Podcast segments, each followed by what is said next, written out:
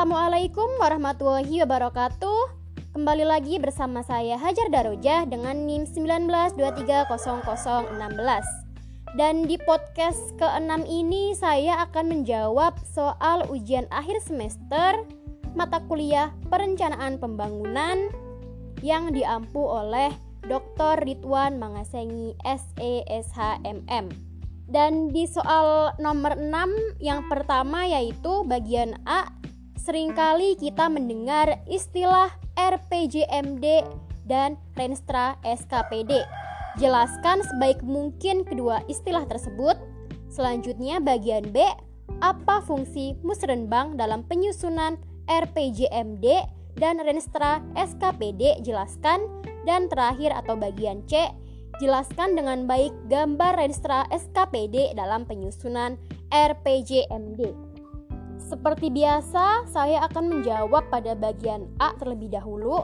Dan yang pertama, RPJMD yaitu satu dokumen rencana resmi daerah untuk mengarahkan pembangunan daerah dalam jangka waktu lima tahun ke depan masa pimpinan kepala daerah dan wakil kepala daerah terpilih. Kemudian, sebagai suatu dokumen rencana yang penting, sudah sepatutnya pemerintah daerah, DPRD, dan masyarakat memberikan perhatian penting pada satu kualitas proses penyusunan dokumen RPJMD dan yang kedua pemantauan, evaluasi, dan review berkala atas implementasinya. Kemudian RPJMD ini menjawab tiga pertanyaan dasar. Pertanyaan nomor satu yaitu ke mana daerah akan diarahkan pengembangannya dan apa yang hendak dicapai dalam lima tahun mendatang.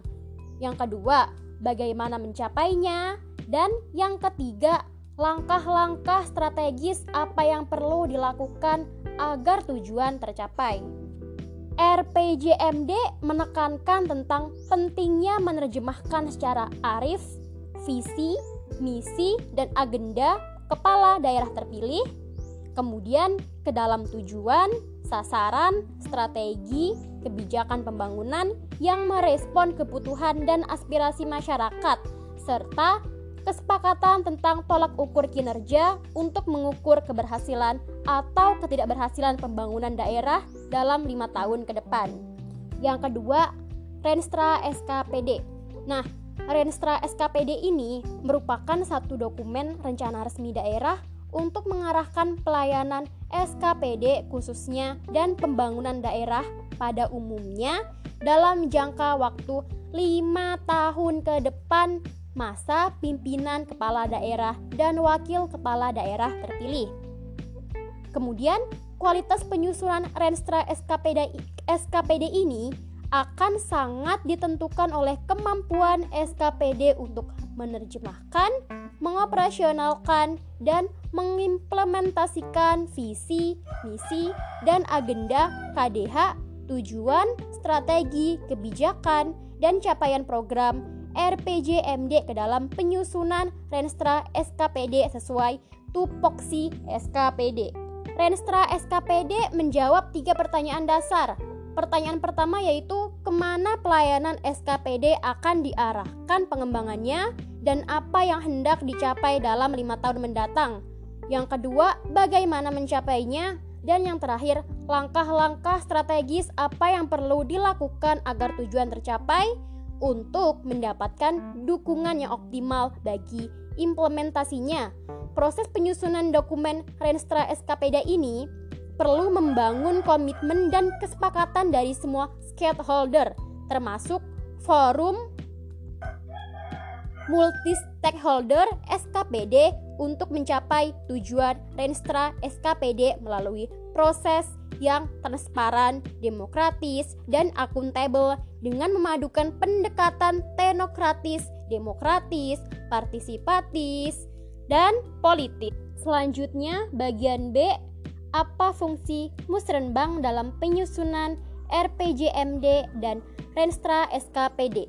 Nah, fungsi dari musrenbang sendiri yaitu instrumen proses perencanaan pembangunan sehingga secara teknis berbagai keputusan dalam pelaksanaan pembangunan dirumuskan secara bersama dan akan dilaksanakan sesuai dengan jenjang pemerintahan salah satu tahapan dalam proses perencanaan pembangunan daerah adalah Forum Musrenbang SKPD dan forum ini cukup strategis karena mempertemukan kelompok masyarakat sektoral dan spasial.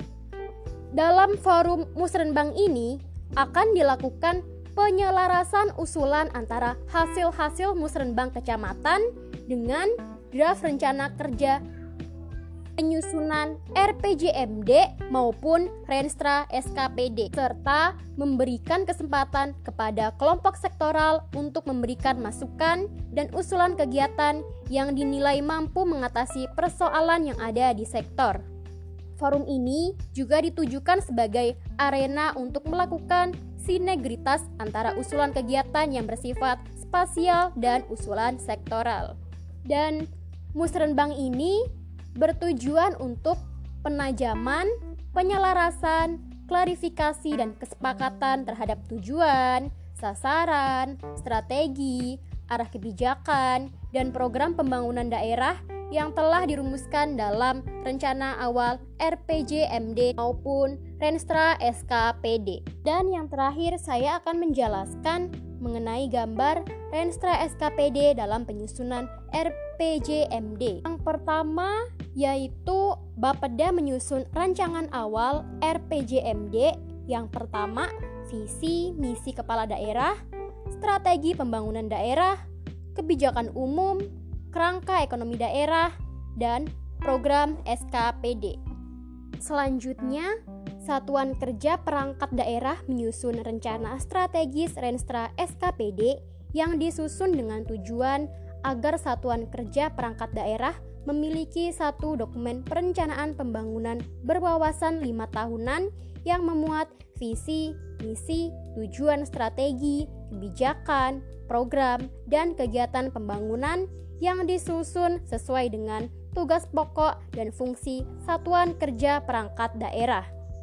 Kemudian, Bapeda akan menyelenggarakan RPJMD dan apabila telah ada hasil, kemudian akan diputuskan secara bersama sehingga RPJMD akan ditetapkan dan akan digunakan sebagai pedoman penyusunan rancangan RKPD sehingga Bapeda dapat menyusun rancangan akhir RPJMD yang memuat visi misi kepala daerah, strategi pembangunan daerah, kebijakan umum, kerangka ekonomi daerah, dan program SKPD.